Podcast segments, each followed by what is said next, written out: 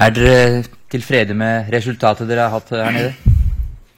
Ja, eh, det er en fotballkamp der eh, vi må forsvare oss i perioder. Eh, etter hvert gir det oss store muligheter, men sånn total i denne kampen så eh, må vi si at vi gjør en ganske god prestasjon. eh, og at ett poeng er OK å reise med seg, ta med seg hjem.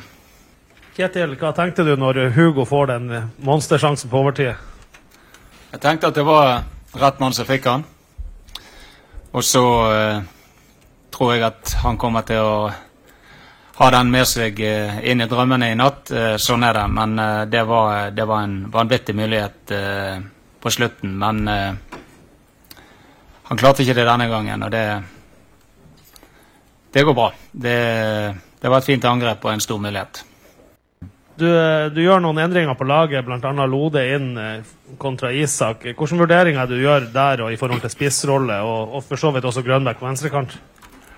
Jeg kan begynne med spissrollen. Så eh, er det Runar er litt mer inne i eh, vår måte å, å tenke på og spille på. Eh, og, og så var jeg 100% sikker på at vi kom til å bruke begge. Eh, når det gjelder Lode opp mot, mot Isak, så var det en vanskelig avgjørelse.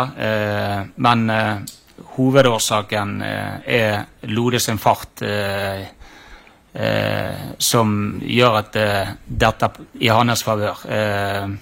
Men nå var nå begge på banen, og det er viktig at vi har konkurranse og har flere gode spillere. Det, det er sånn det skal være.